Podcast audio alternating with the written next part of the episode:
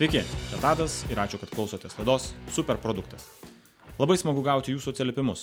E, pirmiausia, norėčiau padėkoti Donatui už pasiūlymą dėl pašnekovų rekomenduojamų knygų ir įrankių sąrašo.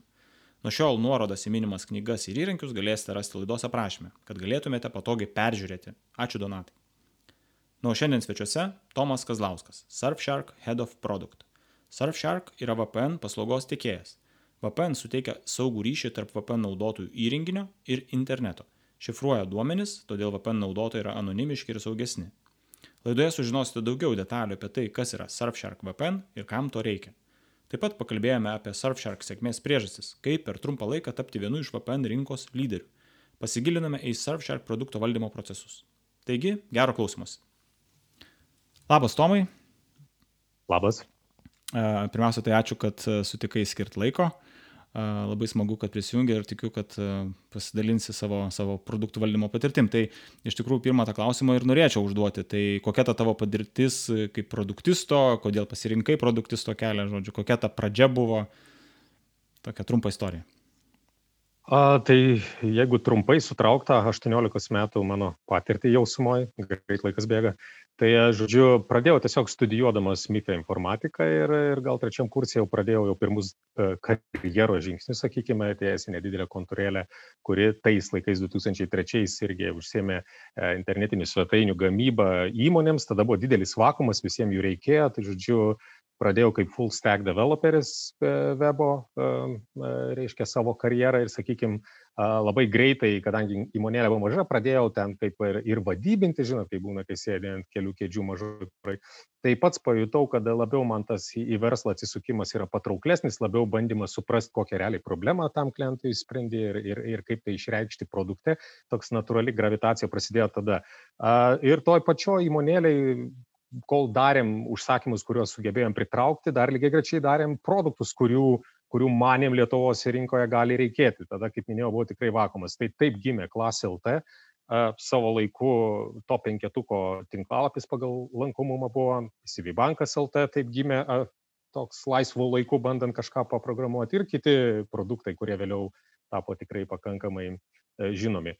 Ir tuo metu aš tapau dar prieš, sakykime, įsibėgėjant, ten tapau, pasisekė tapti co-founder, sakykime, šitoj visoje iniciatyvoje ir, ir, ir turėjom tada sėkmingą exitą. Susidomėjo investuotojas, nupirko šitą visą produktų mūsų AIBE setą, sakykime, ir, ir kaip tik pasisekė išeiti iš šito dalyko 2010 berots, kai, kai prasidėjo Facebook'o bumas, kai visi ir su klasiokai, su grupiokas išsikraustė ten ir, sakykime, na, buvo perfect timingas šito vietoj.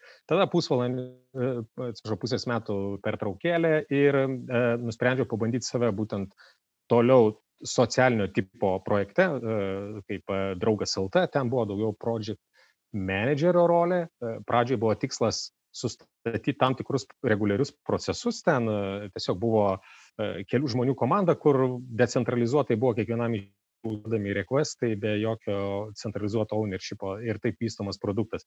Tai padėjo sudėlioti tos procesus ir, žodžiu, pavystėm kartu iteratyviai šį produktą. Tuomet atėjo idėja pačiam pabandyti save, kaip sakant, startupo amplua. Tai uh, tai e, inicijavau, e, susibūriau keletą co-founderių, keturiese pradėjom šitą iniciatyvą ir kūrėm socialinį portalą su analitika žvėjams, tarptautinį, pinfishing.com, kurio pagrindinis tikslas buvo crowdsourcing laimikių e, informaciją ir būtent surenkant visą informaciją maksimaliai patiems, kurią įmanoma vien įkėlus bazinę informaciją, kaip nuotrauką ir taip laimikio ir panašiai, e, surinkti tą informaciją ir kita produkto pusė turėjo būti analitika, kuri stebi pasikartojančius desningumus e, žuvies elgsenoje, sakykime, e, masalo atžvilgių, telkinio atžvilgių ir panašiai, ir padėti prognozuoti pagal meteorologinės sąlygas, sakykime, būsimas, kur žvėjui apsimoka labiausiai žvejoti, kaip žvejoti, ant ko žvejoti, kad tikimybė sėkmės būtų didesnė. Tai toks įdomus iššūkis buvo, pritraukėme rizikos kapitalo truputėlį iš praktika capital, na ir pabandėm šią iniciatyvą ir vis dėlto to biudžeto apimtyje nepavyko mums ateiti iki produkt market fito ir teko išsiskirstyti, bet kaip jau minėjau, pats produktas šitas dengia ir analitikos kampą labai stipriai, tai teko į šitą įsigilinti labiau sakykime, kampą produkto vystimo ir, ir pats tapau labai didelio advokatų data driven apskritai sprendimų priimimo vystant produkto. Ir tą norėdamas pagilinti po būtent šito mm, startupo, sekantis stotelė mano buvo agentūra SMLT, dabartinė Evolvery, kur nuo nulio e, e, išsukinėjau, sakykime, taip liaudiškai tariant, CRO arba Conversion Rate Optimization, kitaip skyrių sprendimą patį ir komandą. Tai, tai, bu, tai yra nauja, tai vis dar yra nauja rinkoje, sakykime, nors tai buvo prieš kelis metus ši iniciatyva mano. Ir, ir po to tapau tikrai visiškų advokatų test driven produkto vystimu. Uh, kai viskas yra pamatuojama, sugaunami regresai, eliminuojami šie produktų update, kurie realiai daro žalą user experience ar iš vis bottom line bizniui ir, ir paliekant tik tai, kas sukuria vertę ir iš tikrųjų tokiu būdu įgyjant tikrai didelį e, e, konkurencinį pranašumą prieš konkurentus, kurie taip nedaro. A, ir po to tiesiog sulaukiu pasiūlymo iš Vytauto Kazikonio, e, dabartinio Surfshark e, vadovo, CEO, prisijungti prie naujai būriamos komandos, kurti pasaulį keisinti produktą. Super, labai įdomi patirtis ir tavo tas backgroundas, ne, žodžiu, žinių bagažas yra iš tos tiks, tiksliukas, ne, ta prasme, tai yra tiksliai mokslai, matematika, MIFAS, informatika galbūt. Klausimas toksai, galbūt šiek tiek subjektivus, ne, bet e, produktus tai būna išeina iš dizainerių, ne, būna išeina iš rinkodaristų, iš, iš programuotojų. Ar turi vat savo tokį nusistatęs yra, koks tipas to, tos patirties yra geriausias kokiai tai, nežinau, produkto situacijai, gal brandai ir panašiai. E, nežinau, ar aiškiai su, suformulau, bet va, ne, būna, būna tie skirtingi. Va, dizaineris vienokį turės neprieimą, galbūt visi siekia to pačio rezultato. Ar, ar turi taip įsivardinęs, kad va, kokie pliusai minusai yra, sakykime, tos skirtingos patirties, kalbant apie produktisto rolę?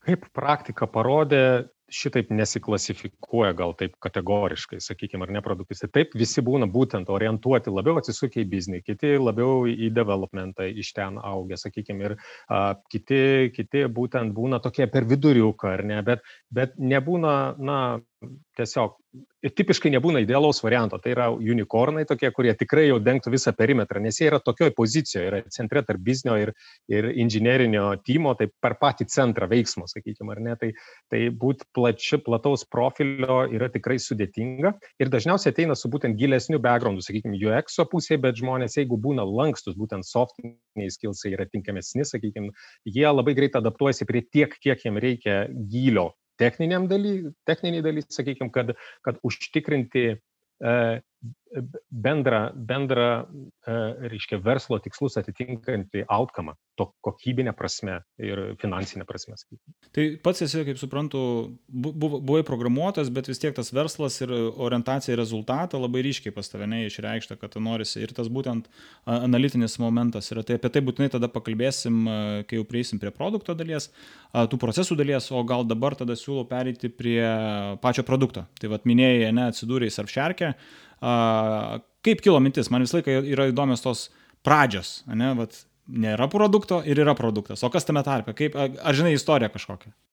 Taip, yra tam tikra istorija, kurią pasidalino pritraukiant e, ir mane, ir pardavė man tą istoriją, sakykime, ar ne, dėl kurios sutikau keisti kryptį, e, e, vėlgi grįžtant į product ownership ar product managementą. Tai vėlgi, iki, iki iki Surfsharko patirtis mano buvo labiau, na, Lietuvos rinkoje, kaip teko suprasti tikriausiai iš to, ką pasakoju, gal šiek tiek pabaltijo liesta buvo būtent agentūroje dirbant su CRO sprendimu. Na, o čia buvo iš karto tiesiog, tiesiog kaip minėjau, Vytautas Kaziukonis, CEO, tiesiog susitikus pardavė puikiai tą idėją, kad kokia yra situacija rinkoje, reiškia, kalbant apie VPNus, business to consumer, ypač rinkoje, kad yra super greitai augantis marketas, ir, ir produktai yra dar besivystimo fazėje, dar nėra tikrai rinka užpildyta gerai veikiančiais produktais, su kuriais būtų konkuruoti ir yra labai aišku, ko trūksta iš esmės konceptualiai ir ne, ką reikia padaryti, kad būtų geriau. Ir žinoma, buvo apie tai, jau buvo pradėta burtis komanda, aš ten buvau gal septintas žmogus prisijungiantis per pirmus du mėnesius nuo iniciatyvos pradžios, tai viskas vyko labai greitai. Žinoma, man patiko tas greitis, tas pasiruošimas, apgalvojimas, strategija, kruopštai sudėliota, viskas pamatuota. Na ir jutau, kad tai yra, žodžiu, tarptautinio lygio, reiškia, produkt managemento, sakykime, karjeros galimybė, ar ne, kuri prasidėtų Lietuvoje ir, ir potencialiai virstų į, į pasaulinį žinomų produktą kartu su iš to išplaukiančiomis patirtimis. Tam, tai man tai pardavė ir aš iššokau į tą valtį. Supratau. Papasakok, prašau, klausytojams ir, ir man, tai kokią problemą sprendžia produktas, taip, Surfsharkas kaip VPN. Uh, ir, ir kam reikia to VPN apskritai, nesu pats naudotojas, sakykime, mane, ir, ir, ir, ir e, tada gal šiek tiek plačiau apie patį produktą, tai iš ko jisai susideda. Ar čia vieni apsai yra, ar, ar kažkur dar ir kompiuterį instaliuojami ir taip toliau.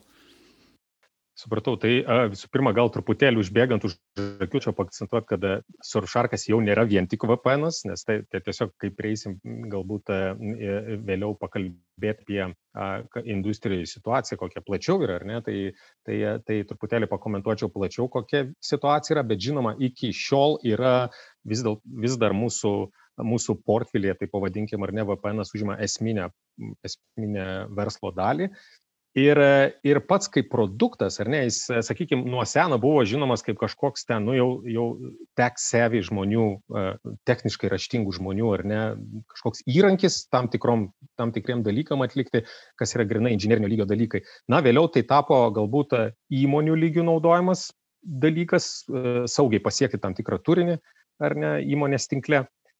Ir vėliau tai atėjo į, į, į business to consumer rinką, kur masiškai pradėjo na, vartotojai naudoti pradžiai gal irgi techniškai raštingi ir produktai vis labiau evoliucionavo, kad paimtų vis didesnį rinkos dalį ir, ir, ir pradėtų jo naudotis paprastai, aiškiai suprantamai ir, e, sakykime, paprastas, ne, techniškai neraštingas žmogus. O kokią tai problemą sprendžia? Reiškia, žiūrint, einant į priekį, tai uh, esminė problema yra vis mažiau kontroliuojamas vartotojo privatumas ir, ir saugumas, cyber security, prasme, internete. Tiesiog vis daugiau visokių yra situacijų, vartotojas jaučiasi nesaugus ir nesuvokia, ką konkreti jo interakcija su kažkokiu produktu, kur, kuris iššaukia uh, tam tikrą tam tikrą duomenų tekėjimą internetu nuo vartotojo kompiuterio iki tam tikro produkto ar paslaugos teikėjo kurio turinį bando pasiekti naršydamas tinklapyje.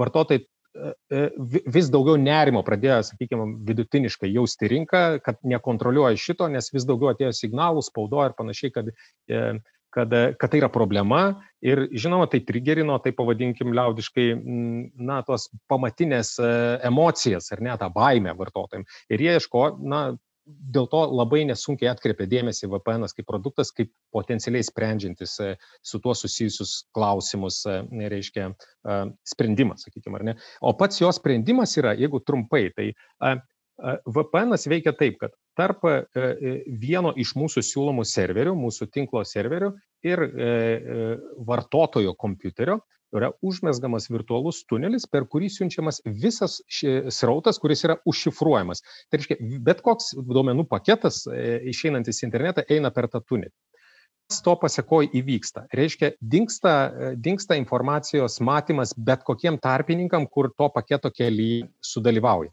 Tai tipiškai būna e, lokalaus tinklo arba Wi-Fi kažkoks savininkas, ar tai būtų, įsivaizduokit, kavinėje interneto, ar tiesiog šiaip kavinėje, nors ar ne, Wi-Fi, ar ten nemokamas Wi-Fi viešbutė, tada interneto pas, e, paslaugų teikėjas yra kaip tarpininkas. Na ir tada jau ateina informacija pas patį, e, sakykime, turinio e, teikėją, kurį bandai pasiekti. Tai yra kažkoks tinklalapis, jo serveris.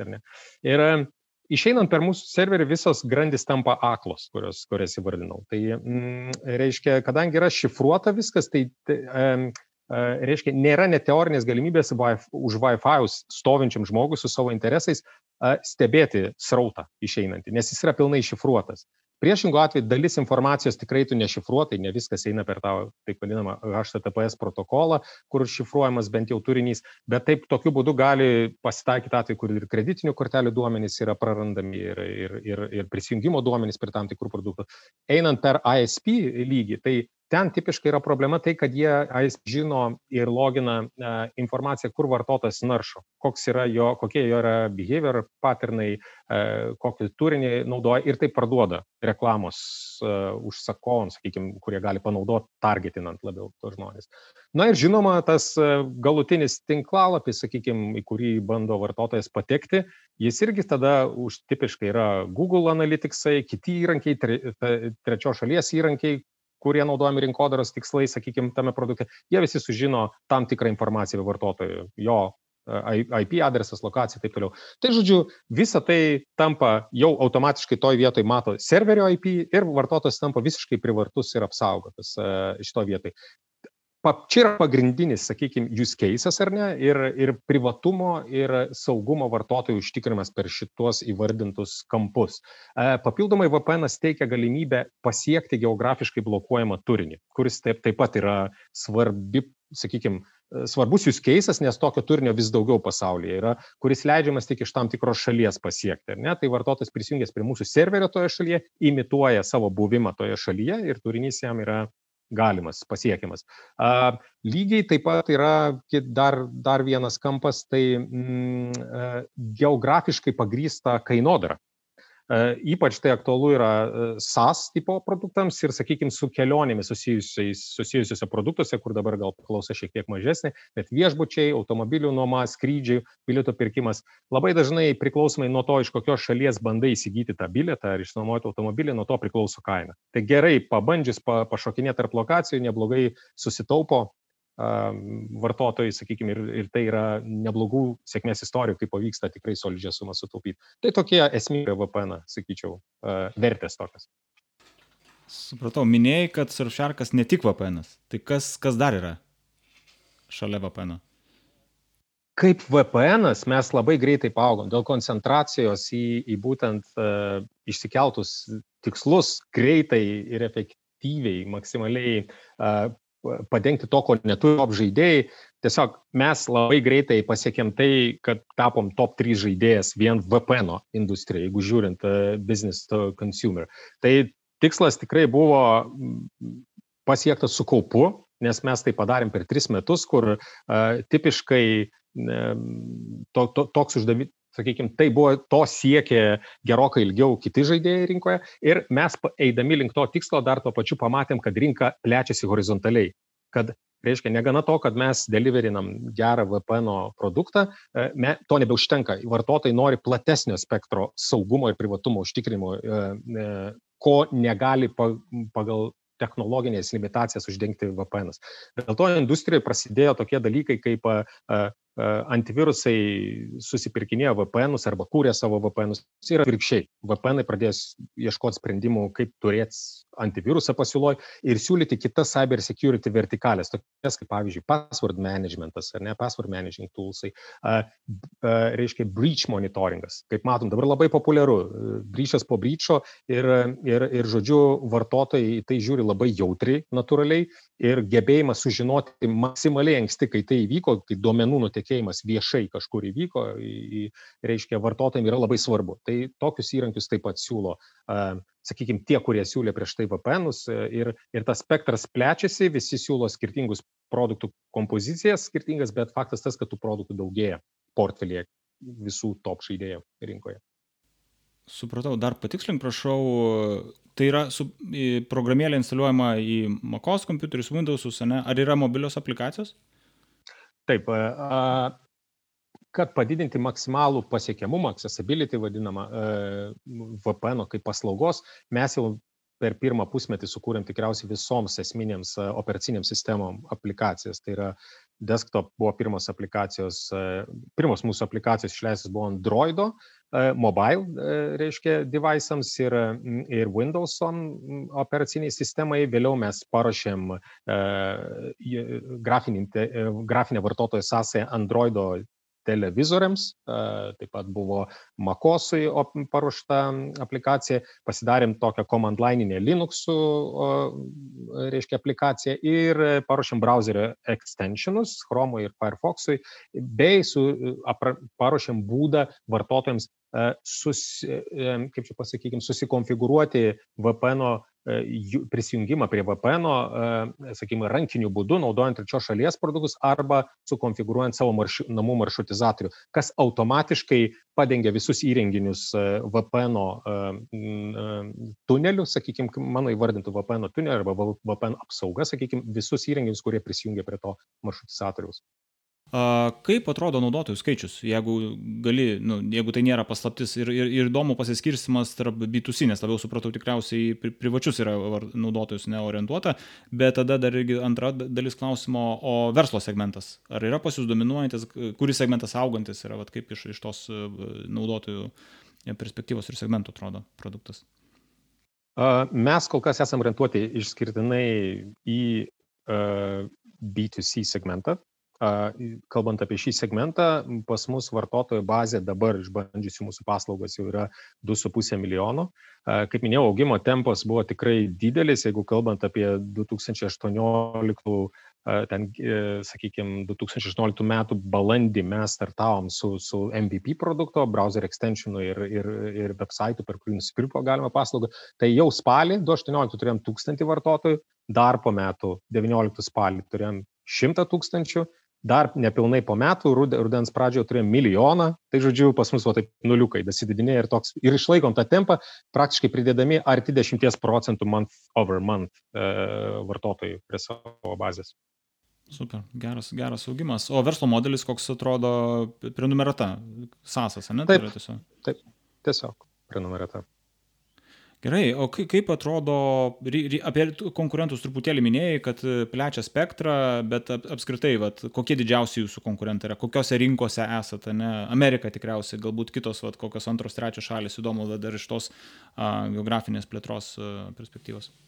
Kalbant apie konkurentus, tai tiesiog juos laikome šiai dienai labiausiai būtent, kurie iš pradžių, sakykim, pradėjo nuo VPN paslaugos ir dabar pradeda plėsti savo spektrą e, į kitas e, e, vertikalės kibernetinio saugumo, sakykim. Ir, ir tie produktai top rinkos žaidėjai yra NordVPN ir ExpressVPN.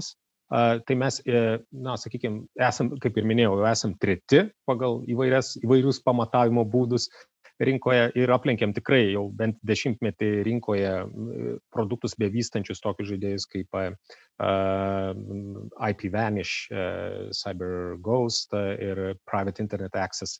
Uh, o šiaip rinka yra tikrai, tikrai prisotinta, sakykime, yra, vis atsiranda naujų žaidėjų, bet mes net iššokę į top trejetuką vis dar sugebam aukti greičiau nei marketas, kuris vien VPN marketas plečiasi praktiškai dvigubai per metus. Yra super didelis augimas ir, ir mes tą išlaikom. Reiškia, augimo tempa didesnį nei, nei, nei vidurkis, nelėtėjom, kitaip tariant, labai su savo e, masteliais e, vis, vis išaugančiais. E, tai va, ir dabar pačios rinkos esam visiškai pasaulinio lygio produktas, mūsų fokusas yra anglakalbės rinkos, e, tai didžiausias marketas yra Junktinės Amerikos e, valstijos ir, ir taip pat e, Didžioji Britanija, Australija. Ir taip pat yra labai ženklus, sakykime, ženklę rinkos mūsų dengiamos dalį užima Vakarų Europą, kurie yra taip pat tokia, sakykime, raštinga e, iš tos pusės, kad suvokia e, grėsmės šitas ir, ir, ir kibernetinio saugumo ir rūpinasi čia hygienos formą, IT hygienos formą, sakykime, proaktyviai.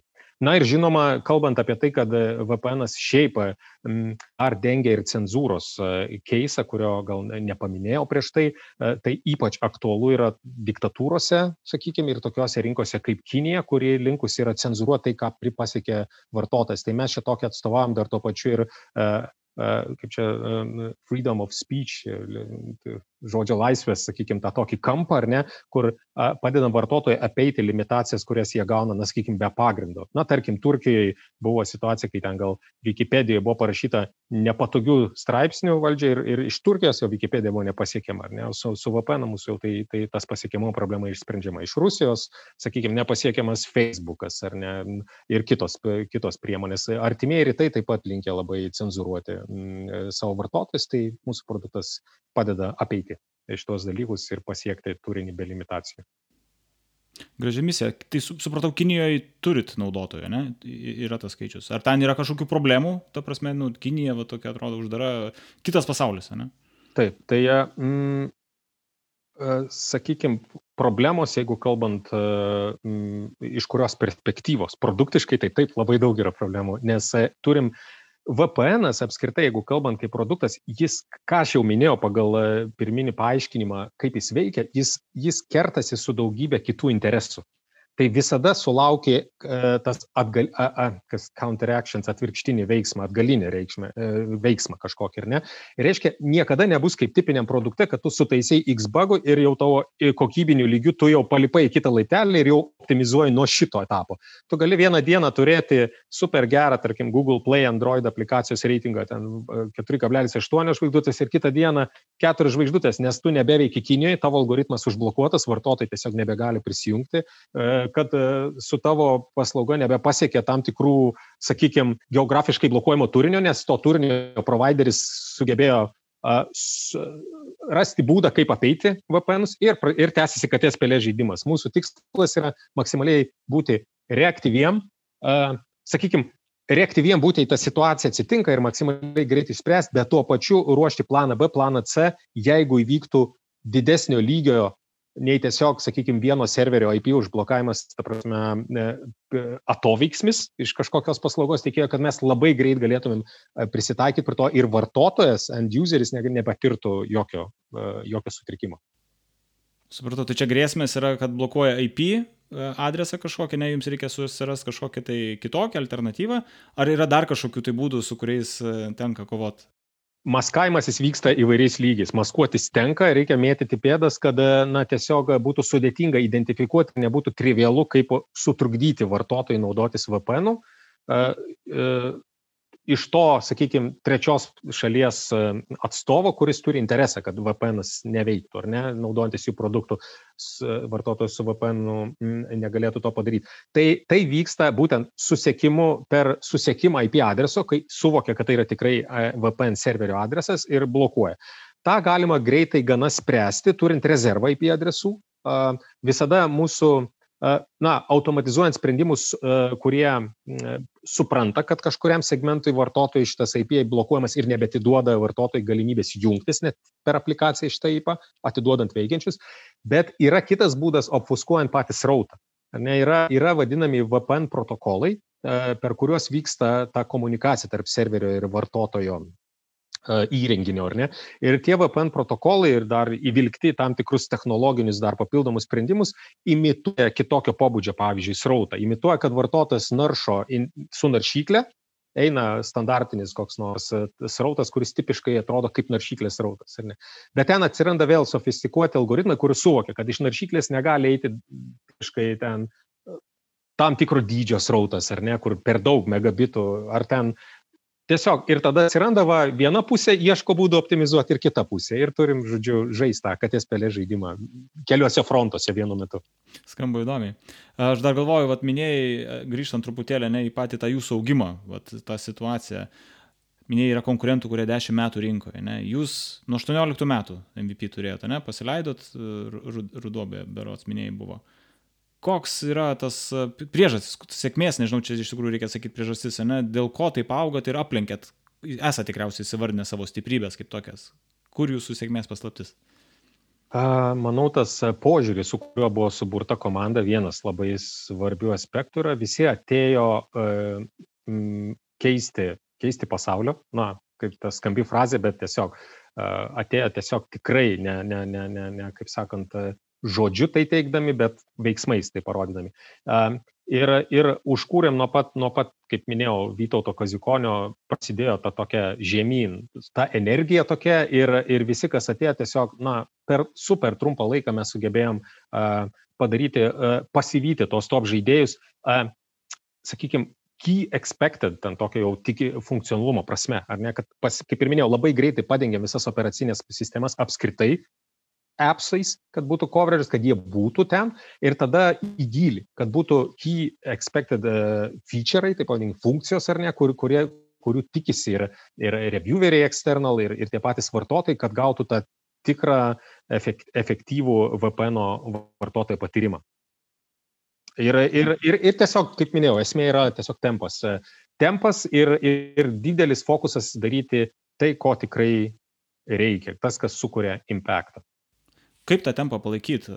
Vat prie komandos, ko gero, prieisim organiškai, ne? Kokio dydžio yra komanda pas jūs, kad tas greitis, nes greičio aš įsivaizduoju reikia ko? Pinigų ir komandos. Ar dar yra kažkokie kiti ingredientai? Na, noras, aišku, ambicijos kažkokios. Iš tikrųjų šitie dalykai taip, na ir matyt pats kažkiek ir procesas tame natūraliai dalyvauja. Kaip, kaip, kaip ta prasme, kiek, kiek giliai kažkoks dalykas daromas, kaip suvokti, kad vertė jau sukurta ir, ir į gilį nebereikia jos, taip, sakykime, šlifuoti, ar ne, tam sukuriant, bandant, bandant spręsti tam tikrą problemą vartotojui. Tai, tai pastovus, pastovus laviravimas dar ir šitame, kaip sakykime, šitoj vertikaliai e, produkto vystyme, bandant suprasti, kas, kas jau yra gerai, kas jau tenkina vartotojo lūkestį ir judėti prieki, judėti prieki visų kitais dalykais. Ir manau, e, labai mūsų didelė stebybė, tas būtent data driven, e, sakykime, toks attitude, ar ne, kad labai, labai stebėti, kur iš tikrųjų esam userio akimis, ne tik rinkos akimis, kad ko tikisi revieweriai, ne kokio feature, bet e, būtent toks useris, kokį mes akvarinam, toks segmentas, kokį akvarinam, kuris slightly, du truputėlį skiriasi, sakykime, nuo to, ką kiti pritraukia ir ne. Ir, ir, ir pagal tai formuojant e, tą sekančius veiksmus, tiesiog ir iteratyviai judant taip kaip sakant, e, su labai aštriu fokusu, su labai aštriu fokusu, per gana trumpą laiką pasiekėm tai, kad esminiai dalykai to, ko vartotojai nori, yra uždengti, kad atitinka lūkesčius reviewerių, kurie mus vertina ir lygina su kitais produktais ir, ir labai greitai tapom vertinamas kaip top 3 produktas. Pasigilinkim tada vat, į tą procesą, ne, vat, pereikim taip organiškai gaunasi, kokio dydžio yra komanda ir ne viena tikriausiai yra produktinė komanda, ne? Kaip jūs esat suskaidę ne pagal platformas, pagal platformas, pagal kažkokios vertės kryptis, e, kaip, kaip atrodo visas komandos etapas? Kadangi augom labai greitai, tai augo kitos, na, sakykime, toks struktūra irgi santykinai greitai, koregavosi jinai truputėlį. Sakykime, kaip minėjau, buvau gal septintas žmogus, pir, pirmos iniciatyvos buvo apie website launchinimą, tai buvo backendo pora programuotojų, buvo frontendo vienas programuotojas, kuris darė browser extensionus kaip VPN klientą jau ir, ir patį website nusipirkimui. Na, tada procesas buvo toks, kad tiesiog man e, vienam uh, uh, užteko su funkciniam komandom, pagal funkcijas paskirstytam ar ne, pasi, kaip čia, susi, susitikti e, savaitiniuose, savaitinėse retrospektyvos ir planavimo mytuose, kur visus suolaininti tokiu būdu, ar ne, ką, ką darom toliau ir kas kam ką blokinam. Na, tiesiog toks, sakykime, tipinio startupo režimas, kur visi viską žino, netoli esam ir taip toliau juda toks procesas tokiu būdu. Ir aš išlaikau visų fokusą, kad tiesiog laikytumėmės plano, nenueitumėm į šoną dalykam, kurie yra nereikšmingi tame, ką mes turim padaryti einant link to top 3 produkto. Vėliau team, kaip čia, komanda augo ir mes pasisamdėm atskirai platformoms e, programuotojais, tai buvo atsirado Androido developerių teamas, atitinkamai Windows developerių teamas, e, taip pat Apple platformų teamas, kur dengia ir iOS, ir MacOS aplikacijas. Na ir tada jau išsiek, išaugom iki e, Quality Assurance teamo, kur buvo ir už, reiškia, automatinį testavimą, ir už rankinį, manual testavimą atsakingi žmonės. Tas pats prisidėjo ir, žinoma, UX teamas, E, jeigu startavom su vienu dizaineriu, tai dabar ten irgi e, platus tymas, kur, e, reiškia, dengia, dengia viso produkto ir, ir marketingo interesų spektrą. Tai, grubiai tariant, dabar atėjome iki to, kad esame vis dar funkcinis tymas, jis yra, vien produktai yra apie 70 žmonių, sakykime, įmonės lygių žiūrint, ir esam funkciškai pasiskirčiusi komandą. Į procesus pas mus prieš metus, daugiau prieš metus maždaug prisijungė e, į poziciją Head of e, Development e, kolega, kuris tokį project management atliko. Jis reiškia, gavo, reiškia, visus tos funkcinius resursus, sakykime, ir jo tikslas buvo suorganizuoti ir yra suorganizuoti, reiškia, iš verslo pusės suformuoluotą agendą ketvirčiui, kuri atitinka verslo tikslus ir ir atitinka visų, sakykime, tų stakeholderių, pavadinkim, kuriems reikia produkto resursų, kad jų interesai būtų patenkinti, na, interesus, ar ne. Tai ir, ir reiškia, jis vykdo nuo pat iniciatyvos, sakykime, estimato iki cross-functional teamo subūrimo E, iki, iki išleidimo, iki suorganizavimo, kad tas produkto, sakykime, atnaujinimas pasiektų vartotojais. Tokie timai e, atskiriem projektam, jeigu taip, kaip man projektiškai ir ne, kaip sakom, ketvirtį planuojam, tai jie būna nuo ten galbūt keturių žmonių iki penkiolikos kartais, nes, kaip minėjom, dengiam daug platformų ir kartais viena iniciatyva turi atsidurti visose aplikacijose, kas jau dengia ir aplikacijos bent po vieną programuotoją. Mm, tos platformos tipiškai yra QA žmonės orientuoti tam tikrie aplikacijas, tam tikri website. Atsiranda website iniciatyvos, pardaviminė dalykai, landing page, vitrina, kitaip tariant. Tai, tai va, tai tiesiog subūriamos komandos ir vykdomi tie projektai, kurie labiausiai kontributina e, metiniams ir siauriau ketvirtiniams tikslams. Ir tai, kas ketvirtį yra pareguliuojama. Mano pozicija toj vietoje, aš atsitraukiu truputėlį aukščiau, perdavęs tą funkciją minėtam Head of Development kolegai. Ir atsitraukiu labiau tą biznio perspektyvą, kad susifokusuot, kad, kad artėjant kitam ketvirčiui žinotumėm, kas tikrai yra svarbiausia pagal verslo tikslus, ką turėtumėm toliau daryti ir kad, kad backlogas būtų maksimaliai stiprus ir atitinkantis to, ko reikia vartotojams, atitinkant, atitiktų to, kas, tai, kas vyksta rinkoje ir ko reikia verslui. E, supratau, dinamikų komandų skaičius yra kintantis. Kas ketvirtį persižiūrėti ir ten jūs tikriausiai priklausomai nuo tikslo gali padidėti arba pamažėti. Teisingai, ne? E, komandos, čia ką, ką, ką minėjau, tai tos funkcinės komandos yra stabilios. Pavyzdžiui, backendo programuotojai, ten apie 10 jų yra, jie, yra, jie turi savo, sakykime, komandos lyderį, funkcinį komandos lyderį, jie turi weekly procesus, stand-upai, sakykime, weekly irgi retrospektyvos ir apžvalga, grinai iš funkcinės perspektyvos, ne? Ir tada jau tam tikri koro žmonės dalyvauja virtualiuose, sakykime, tymuose. Kodėl sakau virtualiuose, nes yra laikini, kad tam, kad įgyvenint tam tikrą projektą ir būtent priklausomai nuo to, ar jų reikia ar nereikia iš vieno timo, jie arba dalyvauja arba ne. Tik einant į gilį, tolim pas mus vis didėja dedikacija, jeigu, sakykime, imant tą patį backendo komanda, tai e, jau, jau yra kaip ir e, natūraliai nusistovi, kad jeigu projektas, kurio reikia verslui tame ketvirtėje bus apie, sakykime, appsus, appsų kažkokį pagerinimą VPN, tai yra labiau dedikuoti žmonės į tai ir jie, na, sakykime, jau projektiškai e, vis tampa labiau fokusuoti, bet vis dar pirminis, sakykime, jų fokusas yra būti ir tobulėti funkciškai, išlaikyti vientisumą sprendimų sakykime, funkciniam lygyje ir, ir, ir taip pat judam kol kas toliau. Kokia yra produktistų rolė? Tikriausiai ne po vieną projektą turi pas save produktistas, ne?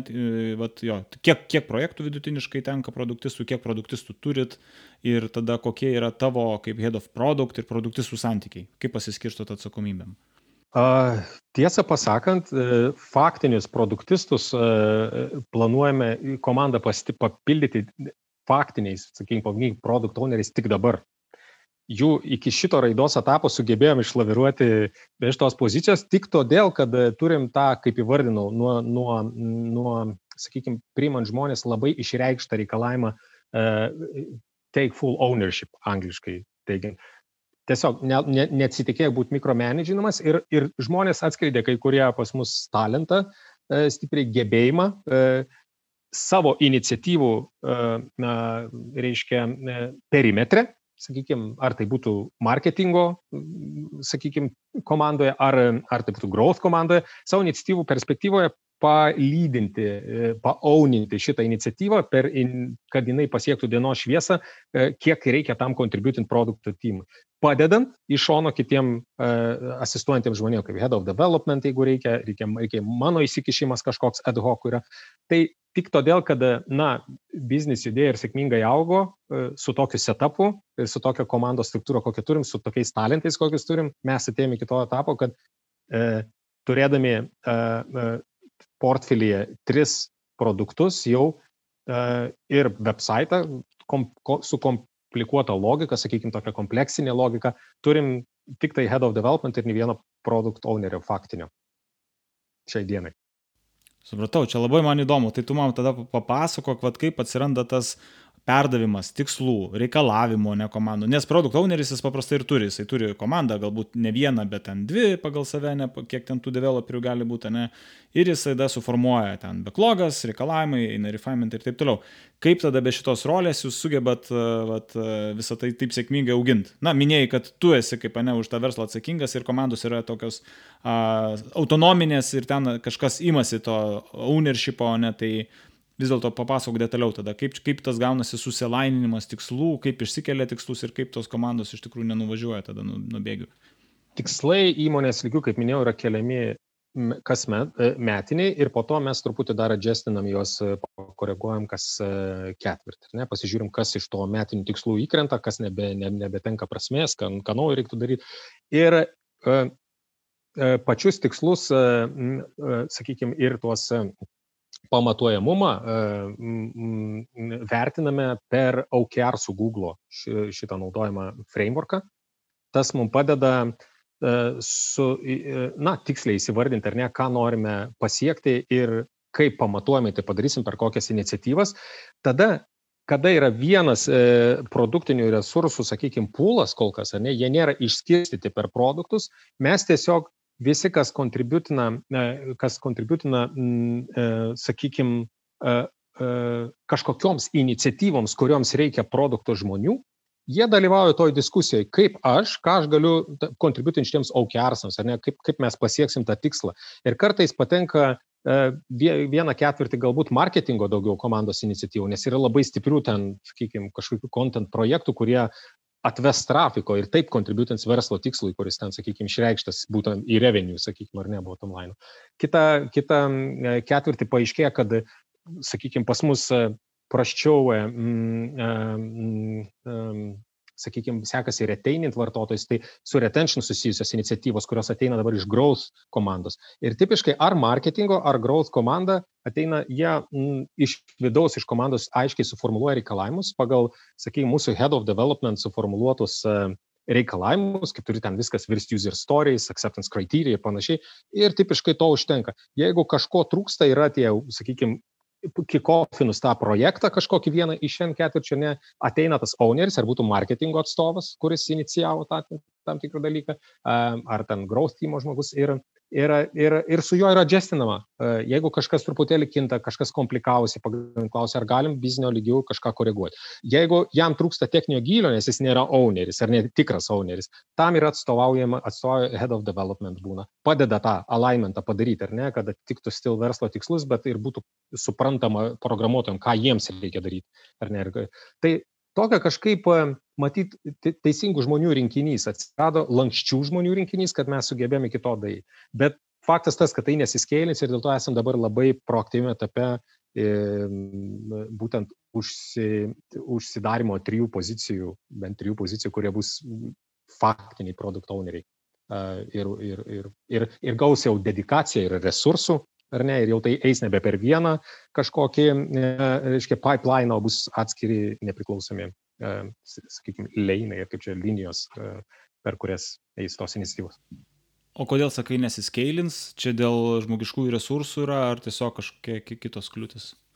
Mes, taip sakykime, yra sprendimas toks, jeigu tą modelį toliau vystant, organiškai, kas patenka kaip projektai į šitą modelį, patenka labai aukšto lygio iniciatyvos, ar ne? Ir, ir jos, reiškia, visi produktai tarpusavėje konkuruoja. Ir jeigu VPN yra šiuo atveju e, mūsų, mūsų pagrindinis pajamų šaltinis, labai daug iniciatyvų organiškai atneš didesnį contribution verslo tikslams nei e, finansiniams tikslams, pabrėžiu, jeigu nei, nei kitų produktų agenda.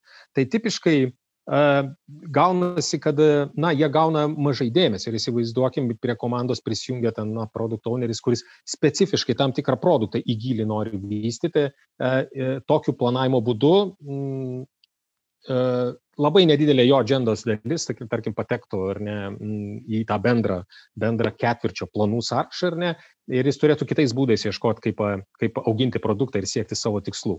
Tai kad nebūtų tų kliuvinių, kitaip tariant, nebeturim bendrą tikslą, o atskirai nepriklausomus produkto tikslus, kurie, aišku, kontributins ir bendram tikslui, bet nebus trukdymo jo, na, sakykime, pilnavertiškai vystyti iš, iš, iš techninės perspektyvos.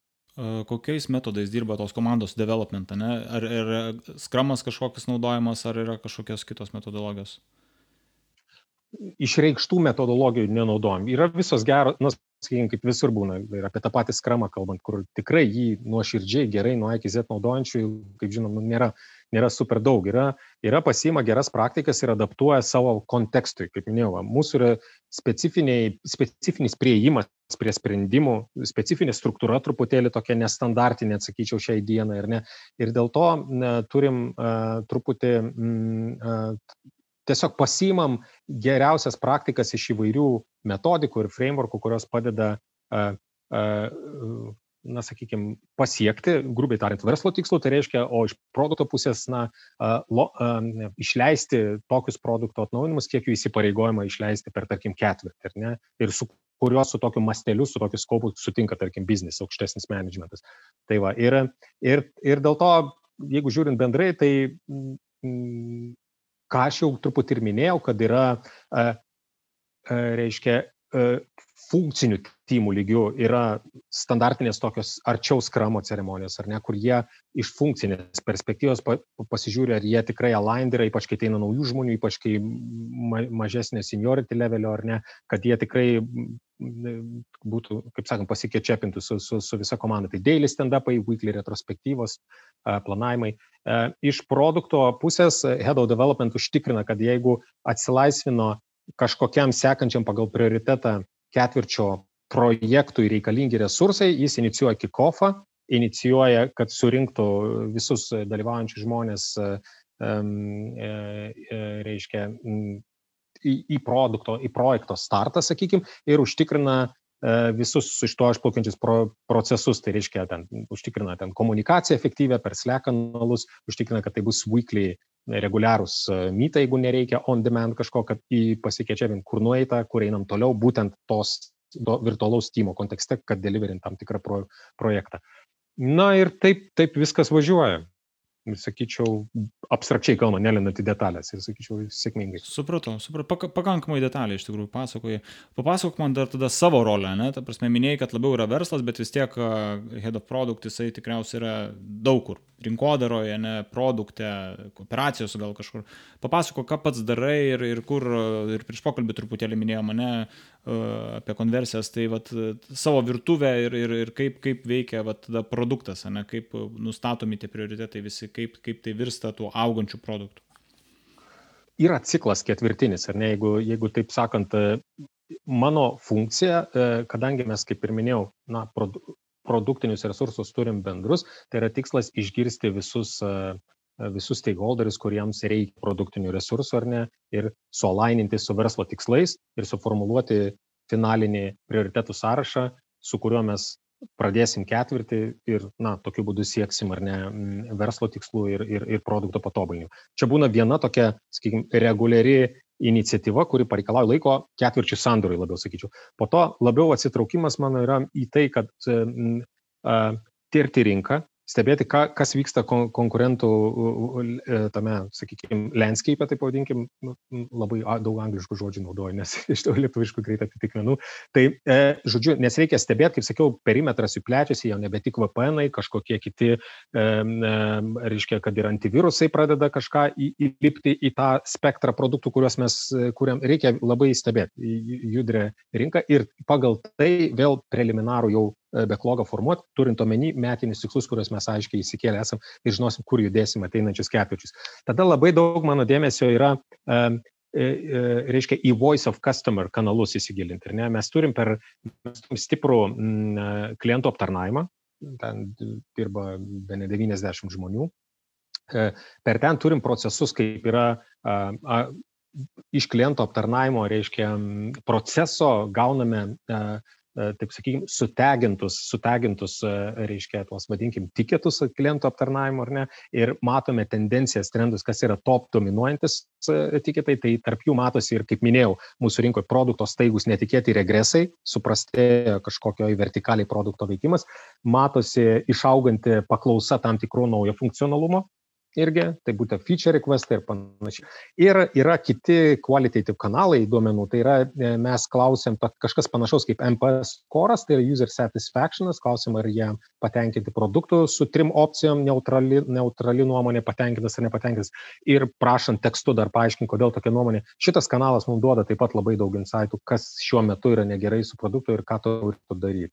Tai toks, kitaip tariant, yra viso ketvirčio bėgė dėmesys į tai, ką turėtumėm daryti toliau, komunikuojant e, ir su customer success, ar ne, su mūsų tuo kliento aptarnavimu, analizuojant e, surinkamus duomenys iš mūsų kliento, reiškia, feedbacko rinkimo kanalų ir stebint konkurencinę aplinką. Na ir aš jau net nekalbu apie reaktyvius dalykus, kaip minėjau, kadangi produktas kasdien gali sulaukti e, counteractions iš kitur, labai turim ir tą tokį ryškų reaktyvų tą layerį, kur yra problema, kurią reikia spręsti dabar, o ne kitą ketvirtį. Tai, tai tiesiog dar tokios iniciatyvos vyksta, kur iš principo e, daug komunikacijos, kitaip tariant, tame procese tarp e, tiesiog produkto įgyvendinimo komandos ir, ir sakykime, to verslo pusės, marketingo pusės. Papasakok dar prašau apie prioritetus, kaip nustatai, kad reikia imtis iniciatyvos X, o ne Y. Na, minėjai, data driven, ne, daug yra informacijos iš a, klientų aptarnavimo specialistų, ateina ten vertinimai iš apstoro įvairių, ne, matai, a, bet tau vis tiek reikia suagreguoti viską, ne, nu, pasvertų, turi kažkokią didžiulę krūvą poreikių kaip darai kažkokius na vat gal konkretūs yra kažkokie metodai kuriuos naudoji papasakok giliau apie tą vat analitinę dalį kad kad nusprendi vat ir ir vis tiek pas pasvėrimas tikriausiai aš suprantu atsiranda ane kad nauda kokia bus verslui ane kad išspręsim šitą o ne o ne o ne ano reikia daryti kažkokių ten frameworkų e, didelių nenaudojam. Aišku, mes einam link to, kad automatizuoti tuos procesus data surinkimo ir, sakykime, to prioriteto nustatymo iš tos pusės, iš to paklausos pusės, ar, ar kokį impactą tai sukurs, ar ne.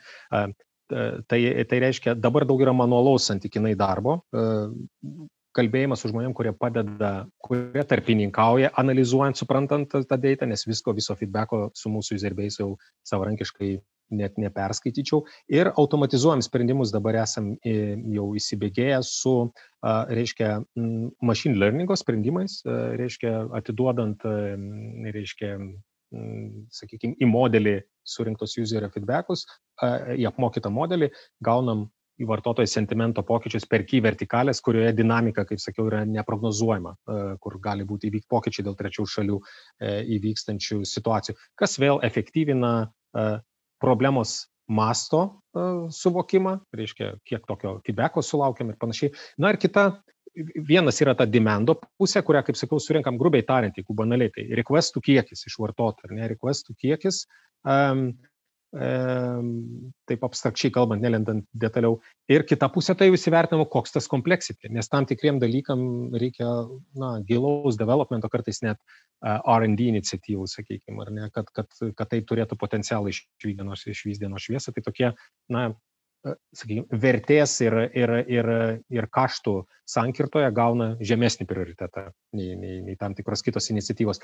Ir visas tas planavimas vyksta nenaudojant kažkokių ypatingų įrankių, sakykime, dar kol kas yra klasikiniai, sprečitai, nusistovėję, quarter over quarter, kurie efektyviai padeda išsikomunikuoti viduje tarp komandų ir kol kas esam tokiam etape. Tai čia, žodžiu, turit ką padaryt galima, nu, estimė, efforto, efforto ne? Nedaug ne, ne pastangų, bet daug e, naudos e, naudotojų galutiniam. Nu, ir verslui tikriausiai, ne? To pačiu, tai toks klasikinis, klasikinis metodas. Taip. E, papasakok, prašau, pro, produkto rinkodaros santykius. Prasme, vis tiek augimas, nu, produktas tai produktas, bet be vartotojų pritraukimo ar naudotojų išlaikymo neauks produktas, taip? Kaip, kaip, kaip dirbat, e, kokius e, bendradarbiavimo būdus taikot su kartu su, su rinkodara? Vėlgi, kai turim tuos minėtus e, shared resursus ar ne, tai rinkodaros, e, e, sakykime, kolegos iš rinkodaros skyriaus, tai natūraliai e, E, turi sąlytį su, tam, su produktų komanda tame taške, kai reikia jiems vitriną dailinti. Ne? Tai, sakykime, visi tie, vadinkim, landing page'ai per įvairius use cases, tai čia yra, ypač imkim ten SEO, uh, e, SEO kanalą, kuriam reikia ten long tail keywordams, sakykime, po atskiro landing page, ar ne, tai turi vykti šitos iniciatyvos. Tipiškai um, iš tos, iš marketingo pusės ateina, na, sakykime, planai E, ten, sakykime, labai stipriai prisotinti kažkokį vieną marketą, tai iš to ateina dažnai kokias nors affiliate networkų integracijos, ne, per kuriuos galėtų atsivesti klientus per partnerius iš to tinklo. E, ateina payment metodų, tam tikrų specialiai tai rinkai reikalingų dėgymas, ar ne, kad turėti geresnį conversion rate. Ir mm, iš esmės tokios yra pagrindinės iniciatyvos. Iš produkto pusės, na, mes jeigu ten turim tikrai didelės iniciatyvas per ketvirtį, kas sukuria mums potencialiai uh, papildomą competitive advantage ir yra, yra akivaizdžiai komunikuotinas dalykas išorė, na, pasidalinam ir, ir tai jau vyksta uh, tipiškai na, marketingas gauna į savo pusę, sakykime, taip liaudiškai tariant, mėsos ar ne, ant ko, ant ko uh, sakykime, užkabinti dar papildomą segmentą ar tą patį segmentą, kuriam jau komunikuojama, tik iškomunikuojant papildomos vertės, ar ne, ir iš to gauti papildomą konversiją. Kas pas jūs atsakingas už konversijos optimizavimą? Ar tai yra rinkodaros komandos, tai top of the funnel, ar yra dar yra vidinės growth komandos, ne, kuriuose už klientų naudotojų išlaikymą? Uh, tai žodžiu, kaip atrodo tas uh, top of funnel, vid, vid, vid, vidurio išlaikymas, ne, ir, ir retention rate'as, ar černą naudojat, nežinau, kur tavo yra fokusas, kai kalbam apie šitos KPI'sus, ne, ar pritraukti kažkaip kuo geriau, ne, ten payment metodai kažkokie tai nauji, ar kažkaip tai optimizuoti patirtį, padaryti, kad produktas būtų stikiai, toks yra terminas, ne, kad nu, liktų tas esamas naudotojas, kur pas tave yra va, tas fokusas, kaip subalansuoji. Mes pasiskirstę esam, sakykime, taip pas mus struktūriškai, ar ne ten.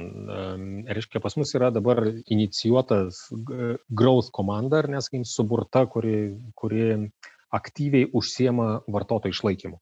Reiškia, aktyviai užsiema nuo to momento vartotojai, kai jis paliko mums pinigus, sakykime, padarydami tą initial pirkimą, ne, ir kas, kas toliau su juo, kad e, ir jų reiškia galutinis tikslas yra lifetime value kelimas, ne, ir, o už to slepiasi visos user engagemento metrikos. Tai va, tai jie iš savęs produkto e, timui taip pat feedina tam tikrą, sakykime, planą agendą, ką reikia padaryti produktui, kad tai vyktų, ar ne? Ir, tai, ir dėl to kinta pats produktas. Tai reiškia, ir yra tas, sakykime, mano pusė, kur jau aš žiūriu, kad, e, kad būtų sukurta papildoma vertė, ant, į kurią reiktų onboardinti tam growth teamui, kurią reik, su kuria reiktų engaginti, ne, kad tas produktas veiktų gerai, būtų maksimaliai stabilus ir atitiktų vartotojų lūkesčius, ko jie nori. Tai va. E, ir marketingo, tarp kitko, yra tikslas viskas, kas vyksta iki initial acquisition. Tai atvedimas vartotojo ir jo praėjimas per landing pages į mūsų checkouto puslapį, tai yra dviejų žingsnių funelis pas mus, sakykime, ir, ir, ir ten baigėsi jų iniciatyva. Ką aš paminėjau, visas tris vertikalės - marketingas, growth ir produktas ant viso šito, virš viso šito yra CRO lėjeris pas mus. Ir šitą turim atskirai timą, kuris, reiškia, užsiema išskirtinai tik tuo ir optimizuoja į, atskiras, į atskirus, sakykime, tos KPI'sus. Jeigu kalbam apie acquisition dalį, tai yra klasikinis CRO, kur optimizuoja conversion rate, sakykime, į konversiją ar ne, pirkimą. Jei kalbame apie growth iniciatyvas, tai jau atsiranda platesnis spektras mid-funnel metrikų ir top-funnel metrikų, kas būtų lifetime value ir yra tarpinės, ten, kurios rodo, kad didėja engagementas ar ne, ten daily active users ar, ar, ar, ar kiek kartų vartotojas prisikonektina prie VPN per dieną.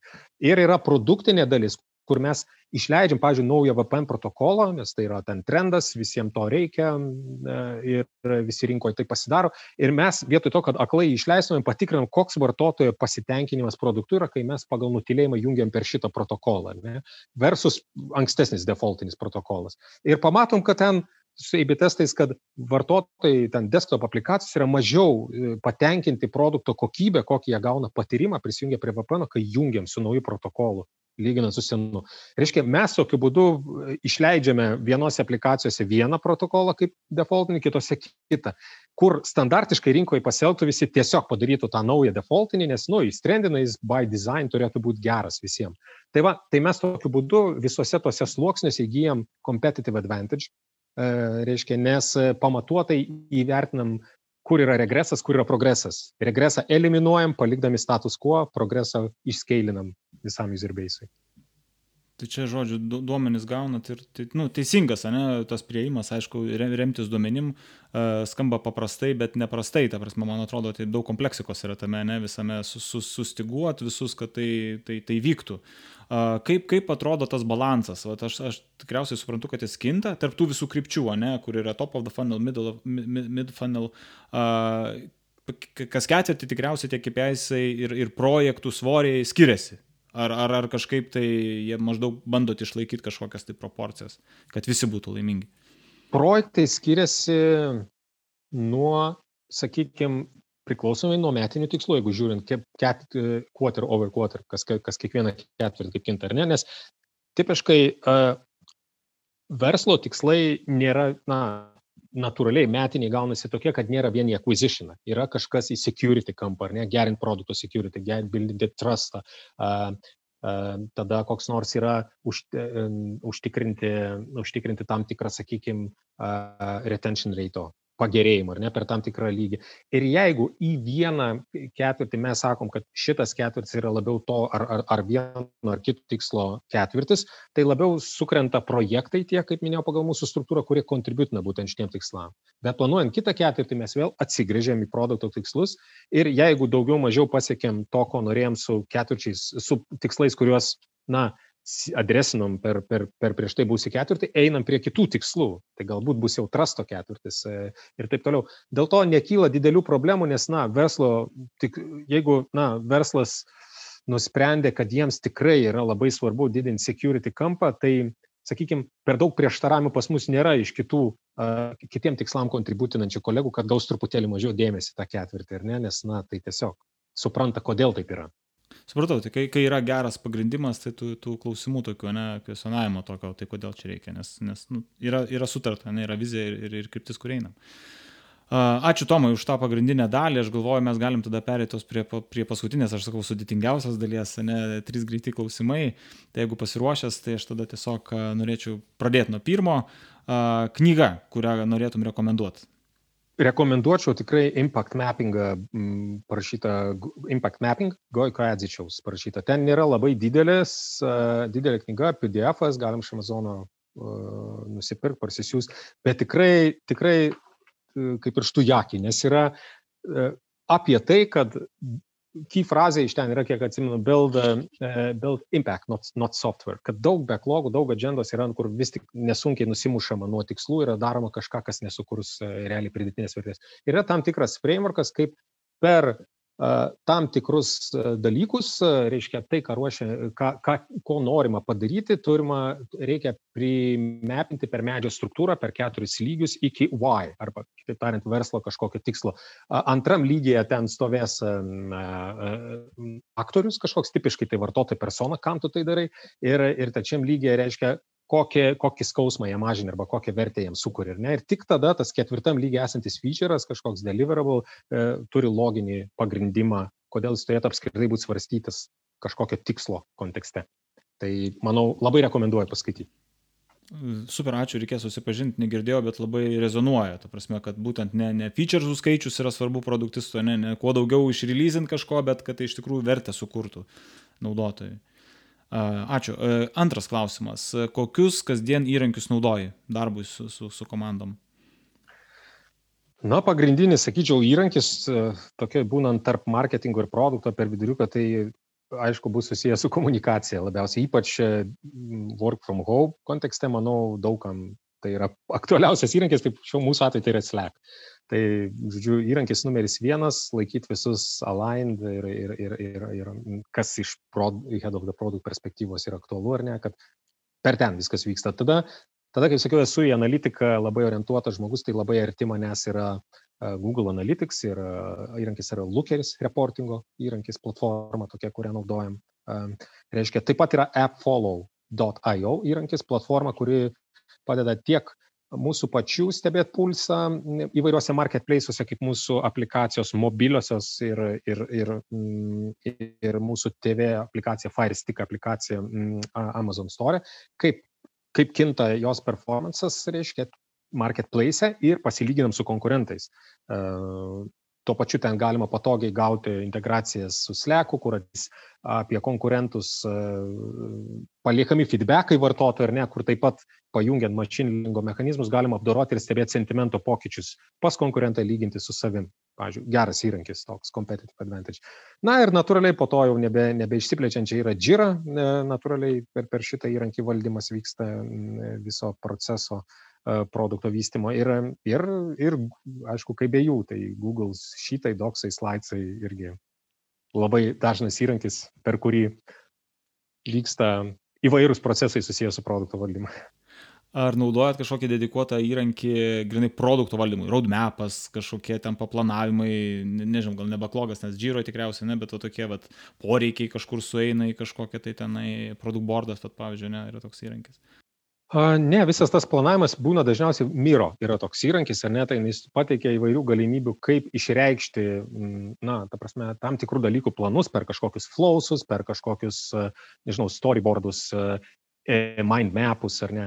Tipiškai per šitą įrankį visas vyksta key planavimas, ar ne. Po to, po to kai mes jau sužinom ten jau verslo lygių apsibrėžiam planus, tai visa tai nueina gal į tarpinį, sakykime, tarpinius planus, kurie yra arčiau jau produkto, tai ką darys inžinieriai. Tai, sakykime, Google spreadsheetuose turim tam tikras struktūras, ar ne, spreadsheetų, kur, kur tiesiog quarter over quarter kartuojam tai, kad tai per ten patogiai susestimatintumėm, definintum tiksliai, kokie yra deliverables tam tikrose iniciatyvose. Ir iš ten jau vyksta migracija jau grinai į Jira, kur vyksta, kūrėsi Epica, User Story ir taip toliau. Maždaug taip pas mus viskas atrodo dabar. Na ir paskutinis klausimas, tavo patarimas produktistui. Eibi testuoti, kuo daugiau. Aš esu visiškai, visiškai už šitą dalyką. Aš tiesiog turėjom trumpai, jeigu tai tikrai buvo daug patirčių, ką ir teigia teorija, kur super educated gut feelingas buvo įtrauktas į sprendimo priimimą, top managementas apie tai, kaip, pavyzdžiui, turi atrodyti checkoutas, koks turi ten būti vartotojų patarimas, kur net galutinis rezultatas po tokių workshopų būna net netestuokit, per daug protingi žmonės priimė sprendimą, tikrai čia bus gerintas user experience dalykas ir staiga po testavimo paaiškėjo, kad 5 procentais mažiau vartotojų nuperka, tai yra 5 procentais impactas bottom line minus. Tai, tai yra ant tokia didelė vertė, kad visi tuo metu žinotų, galvotų, kad tai veikia, nes ir negalėtų pamatyti tos klaidos, nes natūraliai organiškai sviruoja conversion ratas nuo savaitės dienų priklauso nuo aplinkybių, trafiko kompozicijos ir neįmanoma tokio pokyčio regreso pagauti kitais būdais. Tai kaip ir minėjau, tokius dalykus darydami, testuodami, tiesiog, na, keliais žingsniais būsit prieki konkurentų, net jeigu deliverinsit mažiau. Bet tiesiog neliks, neliks to, kas sukuria dar žingsnį atgal, kaip sakant, da, nebus to proceso žingsnis atgal du į priekį, o eisit tiesiog tik į priekį. Ar visos komandos AB testingą daro nepriklausomai koks projektas, ar labiau AB testingas paplitęs kuriuose nors kitokios, nu, specifiniuose projektuose? Nežinau, growth komanda, pavyzdžiui, labiau naudoja negu kitos.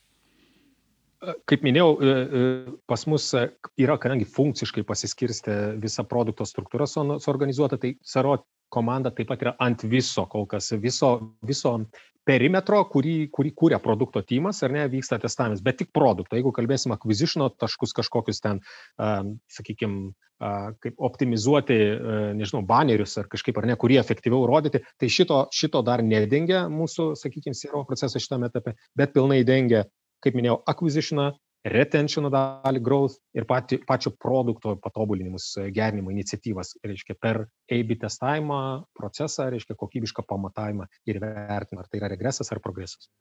Ačiū Tomai, labai labai išsamei pasikalbėjom, laikas, laikas baigėsi, vis tiek norisi tą valandą sutilpti, kad žmonėm nebūtų per daug žodžių. Čia ko gero ir antrą dalį galima bus pasidaryti kada nors, bet tikrai labai dėkoju nuoširdžiai, detalus ir, ir išsamus pokalbis. Ačiū tau. Ačiū tau, Tandai. Visą.